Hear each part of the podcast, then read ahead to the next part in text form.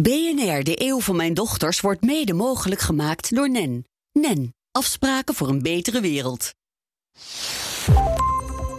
Dit is een verhaal over een wereld waarin we geen lamp meer bezitten, maar een tegoed hebben op licht. Als bezit niet meer het centrale criterium is. Ik ben wat ik heb, want dat wordt het Delftsblauwe tegeltje. Het draait om toegang tot in plaats van bezit, voorspelt Jan Jonker, hoogleraar duurzaam ondernemen. En volgens Thomas Rauw denken jongeren van nu al op deze manier. Mijn kinderen die weten eens meer wat een cd is. En papa, wat is dat eigenlijk, dat ronde dingetje? Is dat op dit te zetten? Hij is niet alleen architect van gebouwen, maar ook van een nieuw economisch systeem. Dit is de eeuw van mijn dochters. En in deze aflevering leren we alles over de economie van de toekomst.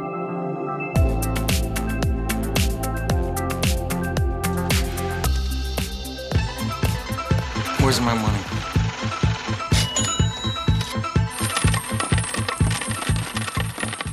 Sometimes I wonder if you let money get the best of you, my love. It's a rich man's world. Twee, drie, vijf, zeven, Mijn tweelingdochters Puk en Keesje zijn 2,5 jaar oud. Het zijn kinderen van de 21ste eeuw. Een eeuw waarin alles in beweging is. We leven niet in een tijdperk van verandering, maar in een verandering van tijdperk. Dit is de eeuw van mijn dochters.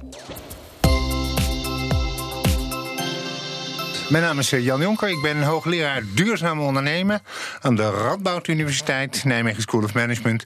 En ik hou me bezig met de vraag wat het betekent dat we duurzaamheid in bakstenen, rookworsten en autobanden willen stoppen. Wat bezitten mijn dochters straks? Moeilijke vraag. Want wij zijn verslaafd aan bezit. We vinden bezit lekker. Fijn. De jurkjes in de kast. De pakken melk in de voorraad. De kratjes bier. Het is verrukkelijk. Dus als we het hebben over bezit, moeten we eerst afspreken wat voor soort bezit het is.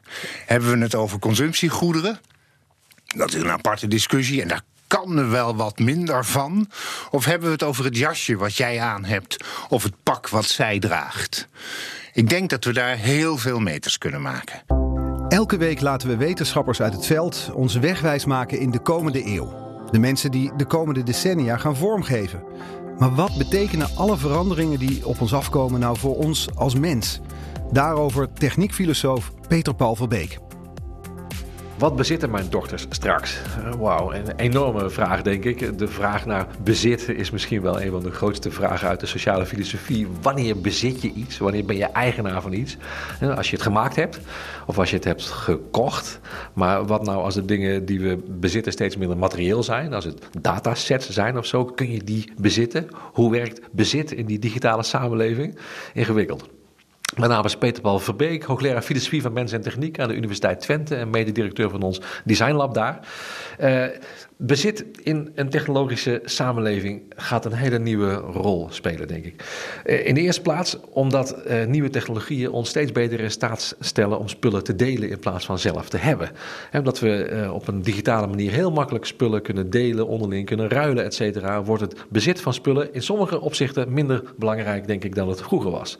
Tegelijkertijd moeten we er misschien ook niet al te romantisch over doen, want heel veel mensen vinden het nog steeds heel fijn om bepaalde dingen echt zelf te hebben voor zichzelf. Het hoort ook bij je identiteit, bij, bij wie je bent. Een belangrijke trend is daarbij wel dat we steeds uh, minder materieel uh, dingen bezitten. Data bijvoorbeeld kunnen we bezitten. Je, je, je smartwatch houdt allerlei gegevens bij. En kun je dan bedenken, nou, dat zijn mijn data. En als Apple of Microsoft of Google daar iets mee wil, moeten ze mij maar betalen voordat zij er zelf geld mee gaan verdienen. Of kun je bedenken, nee, als ik ze bezit, dan kan ik er ook wat mee doen. Dan is data ownership ook meteen een vorm van data donorship. Je kunt ze gebruiken om andere mensen te helpen, om ziektes op te sporen, beter te worden. Hè, en juist bij te dragen aan de solidariteit in onze samenleving. Belangrijke ontwikkeling, denk ik. Los daarvan is het misschien ook heel belangrijk dat we naast al die immateriële data ook wat meer materieel worden, hoe gek het ook klinkt. We hechten ons misschien te weinig aan onze spullen. Uh, we leven in een wegwerpmaatschappij waarin we steeds weer een nieuwe auto, een nieuwe bank, een nieuwe smartwatch, een nieuwe mobiele telefoon kopen als er weer een nieuw model uit is. Maar juist als we ons meer zouden hechten aan de spullen die we hebben, als we koesteren wat we bezitten, zouden we belangrijke stappen kunnen zetten, denk ik, naar een duurzame samenleving. Grote thema's. Ik ben benieuwd wat mijn medewetenschappers erover zullen zeggen. Ik denk dat we nu veel te veel hebben. Dat we een soort van verslaafdheid hebben aan die volle kasten. En dat we op heel veel terreinen, of het nou gaat om kleren, autobanden, centrale verwarmingen of andere zaken, veel beter, veel slimmer, veel intelligenter kunnen delen. Dat is nodig volgens Jan Jonker, omdat we op dit moment veel te veel grondstoffen gebruiken. En te veel dingen hebben die we niet gebruiken. Bezit bepaalt ook wie je bent. Wat je hebt geeft status en identiteit. Bezit geeft gedeeltelijk maar een identiteit. En opnieuw, wij zijn er helemaal aan gewend dat de auto voor de deur vertelt wie wij zijn. En als we nou eens afspreken dat dat een behoorlijk gedateerd beeld is. Niet alle auto-importeurs zijn nu even blij.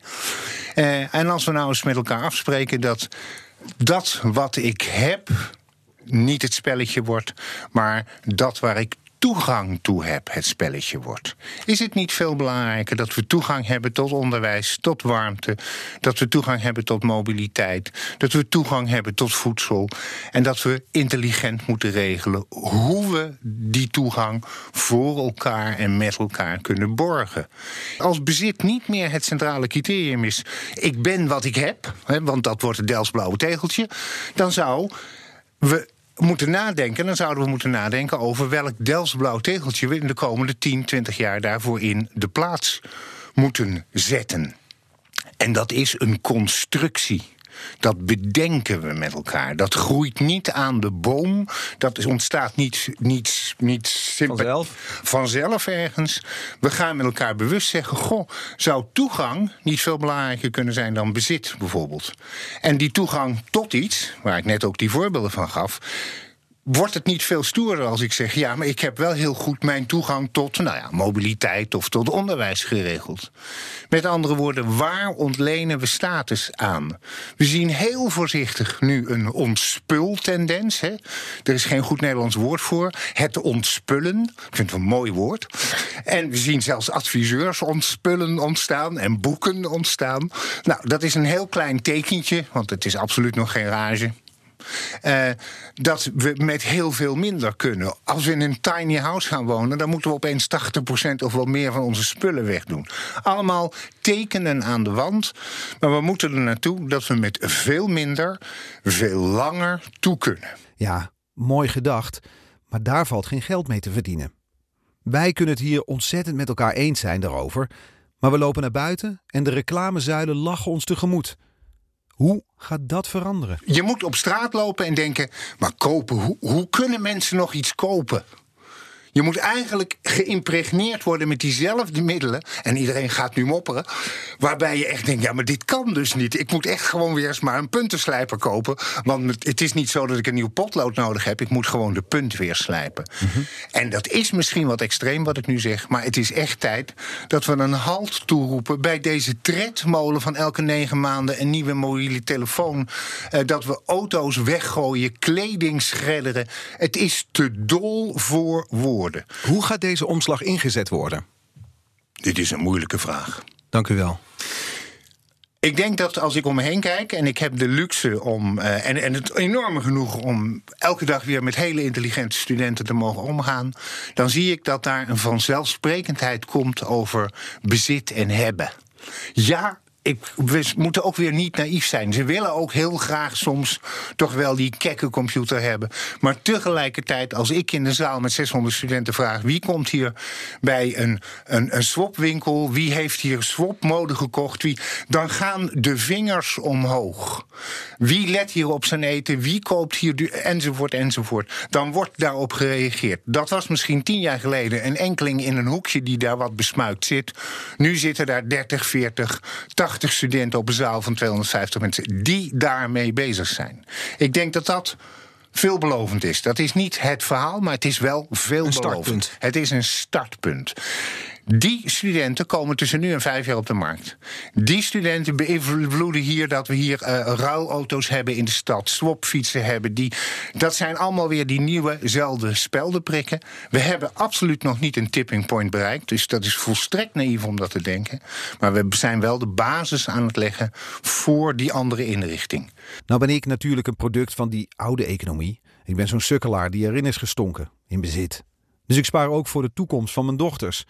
Maar waar spaar ik eigenlijk nog voor? Voor een koophuis? Auto voor de deur? Dat dus niet meer, als we Jan mogen geloven. Maar waarvoor dan wel? Ik zou willen pleiten voor het feit dat we het conventionele spaaridee.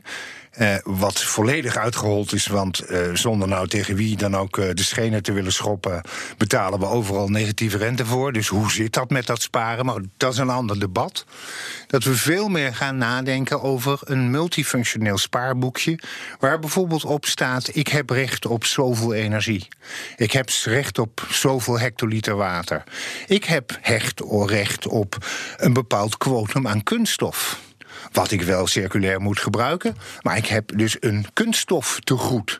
Want dan kom ik in de supermarkt en dan zeg ik, nou, mijn vlees wil ik verpakt hebben in kunststof. Nou, dan gebruik ik kunststof te goed, mijn kunststof te goed voor. Dus we moeten af van mono sparen alleen in pecunia. We hebben gezien hoe kwetsbaar dat is. Op alle mogelijke manieren. En ik denk dat we veel meer moeten gaan sparen in multimodaliteiten, verschillende vormen van sparen zodat we ook op verschillende momenten in de maand, maar ook in het leven, kunnen zeggen: Goh, ik kom nu wat energie te goed. Ik gebruik even wat energie van mijn energiespaarbankboekje. Ik zet de douche even wat, wat warmer. Bijvoorbeeld als ik dat wil. Of ik uh, heb een regeling met de buren. Wij noemen dat, dat fenomeen hybride bankieren. En het, en het mechanisme wat eronder zit heet Samsam bankieren. Namelijk, als ik op die manier ga sparen... dan kan ik ook met elkaar in de community te goede opbouwen. En dan heb ik dus in de gemeenschap een mobiliteitstegoed. En ik heb een, uh, nou ja, you name it, een groentetegoed. U luistert naar BNR, de eeuw van mijn dochters. En in deze aflevering leren we alles over de toekomst van onze economie. You name it. Nou, architect Thomas Rauw, kom er maar in. Want hij heeft zo'n te goed spaarboekje opgezet. Madaster, een paspoort voor materialen in gebouwen. Ik ben architect. Uh, we hebben gebouwen gemaakt. We zijn zeven jaar geleden daarmee begonnen. Laten we alle materialen in een gebouw een gedocumenteerde, archiveerde en registreerde identiteit geven.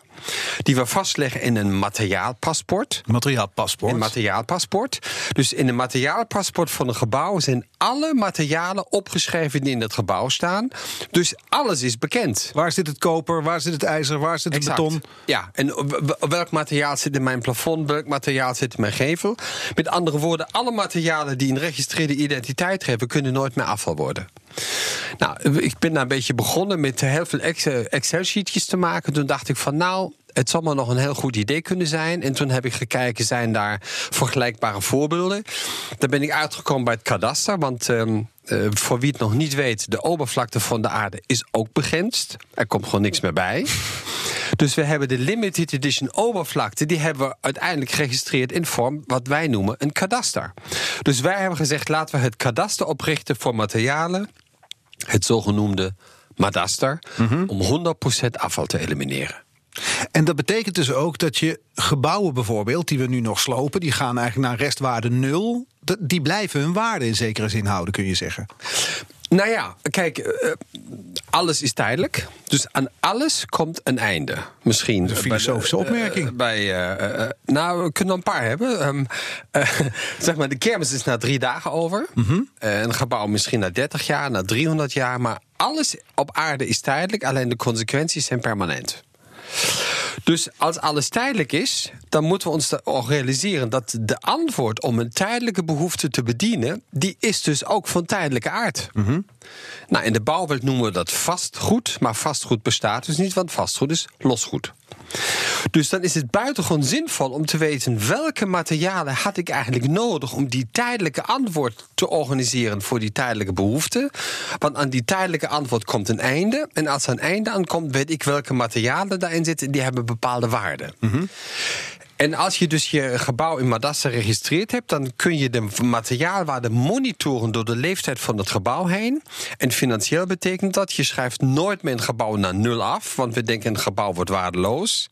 Maar waardeloosheid wordt gefaciliteerd door waardevolle materialen. Mm -hmm. Dus waardeloosheid is buitengewoon waardevol. Je wil mensen meekrijgen in, dit, in dit, dit denkproces, in deze manier van kijken naar bijvoorbeeld gebouwen. Dan moet je het ook financieel inzichtelijk maken. Dus. Ja, dat is, ik denk de, de, de financiële as is de as om de transformatie uh, uh, te versnellen. Want de financiële as is het reflex van het, van het systeem. En we hebben net een rapportage samengemaakt eh, met eh, Deloitte en Madaster. De C8-rapportage. En daar gaat het over de financiële in- incentives als vastgoed losgoed wordt. Dus los daarvan of je dat nou een goed idee vindt. Of je zegt van nou die rouw is helemaal gek of wat dan ook. Maar puur uit financiële overweging zie je ook gaan mensen dit gewoon doen. Dus we moeten het systeem ook ombouwen om nieuwe businessmodellen aan te reiken. We moeten op een andere manier geld verdienen. De huidige businessmodellen gaan ten koste van en de nieuwe gaan ten gunste van. Oké, interessante gedachte. Volgens Thomas valt dit idee op alles toe te passen wat de mens doet. Wij zijn ook nog bezig om uh, te bouwen voor infrastructuur. Dat, dat, doen we met, dat doen we samen met de overheid, semi-overheid. Gaan we kijken hoe zou zo'n Madaster eruit moeten zien. En daarna komt de stap dat we Madaster moeten maken voor producten. Dus in principe moeten we in de toekomst Madasters maken over alles waar we die limited editions genoemd materialen voor nodig hebben. Maar Madaster voor infrastructuur, wat moet ik me daarbij voorstellen? Nou ja, kijk, we hebben straten, uh, straten bruggen, sluizen, uh, spoorwegen, uh, kabels, waterleidingen. Dus al die hele infrastructuur is een depot van materialen. Alleen we noemen het niet een depot, maar we noemen het een brug. Maar een brug is een depot van materialen. En niemand weet welke materialen waren eigenlijk nodig om die sluis of om die brug te maken. En die dingen moeten we gaan opschrijven. We worden ook in één klap veel rijker. Om, we denken nu die brug is waardeloos, maar die brug is gewoon buitengewoon waardevol. Dus we, we kunnen zeg maar die. en dat kan ook voor bestaande bruggen. Dat is niet alleen voor nieuwe uh, infrastructuur. Dat, dat, dat geldt voor bestaande, voor bestaande bruggen. En, en zoals net gezegd, er komt een materiaalpaspoort aan van de overheid. Die, want de, de overheid moet het moreel wenselijke gedrag faciliteren. De, de overheid zal in de toekomst zeggen: als je nieuw bouwt, dan wil ik van jou een materialenpaspoort hebben. Want we willen zeker zijn dat jij niet iets tijdelijk gaat verkwanselen wat wij permanent nodig hebben. Nu toch even de andere kant. Ik ben een man die een eigen fiets heeft, een eigen auto, een eigen huis. Mijn dochters hebben dat straks dus allemaal niet meer. Nou ja, die zullen wel over een huis beschikken. En die zullen over allerlei dingen uh, waarschijnlijk beschikken die, waar ze graag over willen beschikken. Maar ze zijn er niet meer eigenaar van. Omdat ze dat niet willen of omdat het niet meer kan? Ik. Uh, um, uh, ik denk allebei. Ze, ze willen niet meer. Je ziet bij de jonge generatie van... Kijk, niemand heeft meer een cd, iedereen heeft Spotify. Mijn kinderen die weten eens meer wat een cd is. Zeg, papa, wat is dat eigenlijk, dat ronde dingetje? Is dat, voor de, is dat om thee te zetten? Um, dus die tijden, die tijden gaan dus echt heel snel veranderen. En dan worden we natuurlijk ook steeds bewuster van... Hebben we, willen we die dingen nou echt bezitten? Je kunt natuurlijk iets bezitten, want dan ben je... Dat is een tijdelijkheid zonder eigenaar te worden. Ja, dat je er gebruik van mag maken. Dat je daarvan gebruik mag maken. Ja. hoe, hoe, bouwen mijn dochters dan bijvoorbeeld iets op? Ja, dat is misschien ouderwets gedachtesvader, maar ik wil toch ook dat ze iets van stabiliteit hebben. Ja, maar wat, wat, wat noem je dan stabiliteit? Nou, dat als je bijvoorbeeld als je bezit vergaart, dan ja. kun je later kun je, kun je dat hè, kun je bijvoorbeeld op de restwaarde van je huis kun je pensioen uh, kun je van je pensioen leven. Nou ja, je hebt, je hebt een hoop je hebt een hoop glazen. Uh, je bent veel minder veel minder flexibel. Ja. Uh, maar het interessante is natuurlijk, door die servicecontracten ben je veel minder geld kwijt. Kijk, we gaan nu ons geld investeren, zeg maar. Dat, dat stallen we eigenlijk in, uh, in eigendom. Mm -hmm. Auto, wat, huis. Een auto, huis. Nou, en, en, en die dingen die worden in principe minder waard. Maar goed, met die huizen, dat, dat, is, even een ander, is even een ander rekenmodel. Maar dan is de vraag, wat gaan ze eigenlijk in de toekomst met hun geld doen? Dat vind ik eigenlijk een veel interessantere vraag. Omdat we hebben straks eigenlijk een overschot aan geld. Als we namelijk een, uh, als we steeds minder eigendom hebben. Geen gezeik, iedereen rijk. Geen gezeik en iedereen heeft meer ter beschikking. Ja. Maar ik kijk nu dan in mijn huis, daar staat een, een, een ijskast. Ja. Straks koop ik geen, geen product meer als ijskast, maar ik koop gekoelde uren. Je koopt koeluren, ja. Koeluren. Een wasmachine, ik koop een aantal wasuren. Ja. Hetzelfde geldt voor een douche. Ja. Hetzelfde geldt voor een wc. Ja, bijvoorbeeld. Auto, kan. fiets, ja. huis, ja. alles. Alles. Alles, ja. Nou, kijk, we hebben een project in Amsterdam acht jaar geleden gedaan. Daar de mensen in de sociale huursector die kopen wasbeurten. Die hebben helemaal geen wasmachine. En toen heb ik dat project uitgerold uh, met Bosch. En toen zegt Bosch met een ja, maar ja, wat, ja, goed, dat klinkt allemaal heel leuk, maar ja. Maar stel nou, zo'n machine gaat dan in een stuk bij die klant. En die heeft die servicecontract. Wat gaan we dan doen? En wie betaalt dit? Ik zeg mevrouw Bosch, heel simpel. Als het apparaat stuk gaat en die klant betaalt voor de performance, namelijk wasbeurten, dan moet u het apparaat, repareren. Nou, zij was van witgoed, ze trok helemaal wit weg. Ja. En eh, ze kwamen opdagen met wasmachines die 15 jaar lang niet stuk gaan. Die hadden zij. Maar ze, ze zeiden tegen mij: ja, maar weet u, we hadden daar geen businessmodel voor. We zijn decennia lang opgelicht, als ik Thomas zo beluister. Er zijn al lang apparaten die niet stuk gaan, maar fabrikanten houden ze bij ons weg. Het Philips-kartel van Philips is van 1924. Ze zijn in 19 begin de afgelopen eeuw begonnen om gloeilampen eh, te maken. En na 23 jaar eh, kwamen ze achter, ze branden nog steeds. Dat is niet de bedoeling. Dat was toch niet de bedoeling. Dus Philips belt Osram helemaal in paniek. Hij zegt, goh, we moeten snel afspreken. Laten we in Genève afspreken. Naast het hoofdkantoor van de FIFA en de IOC. Kun je goede afspraken maken. En ze hebben op kerstavond 1924, mind you... met wie maak je afspraak op kerstavond? De hoog was nood hebben ze een afspraak gemaakt met Osram en andere gloeilampleveranciers. En ze hebben het 1000 Hour Committee opgericht.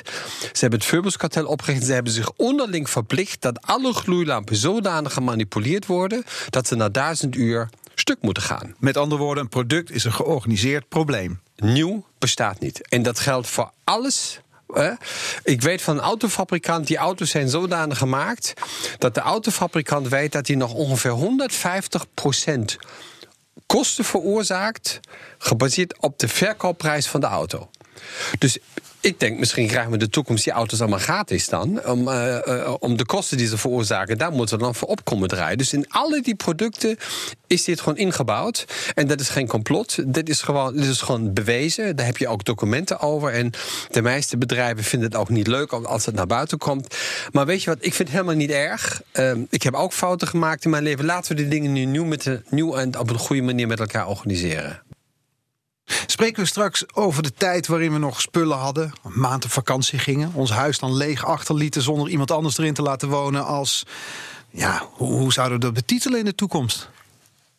Hoe kijken we naar deze tijd over 50 jaar? Onvrij. We waren ongelooflijk onvrij. We waren volstrekt verslaafd in ons zijn aan al die spullen die we, die we moesten eh, faciliteren. En net zoals we binnenkort die 130 achter ons laten, laten we ook al die andere dingen achter ons. Kijk, die 130, dat is nog een beetje immaterieel iets. Maar het begint altijd immaterieel en het eindigt materieel. Dus die tijd komt eraan. We zijn slaaf van ons bezit. We zijn slaaf van ons bezit. Ja, kijk maar waar die mensen voor werken. Voor een auto, voor een huur, voor dit, voor dat. Dus dat moet gewoon dringend anders. Het moet dringend anders, stelt Thomas Rauw. Dit is niet een tijdperk van verandering, maar een verandering van tijdperk. Een tijdje terug zag ik een foto, gemaakt tijdens een verkenningsmissie van Voyager, de ruimtesonde van NASA. Op die foto is onze planeet een klein blauw lichtpuntje, nog kleiner dan een pixel. Een Amerikaanse sterrenkundige Carl Sagan schreef over die foto: Al onze aanstellerij onze ingebeelde belangrijkheid, de misvatting dat we een soort bevoorrechte positie in het universum hebben. Dat wordt allemaal aangevochten door dit ijle puntje licht.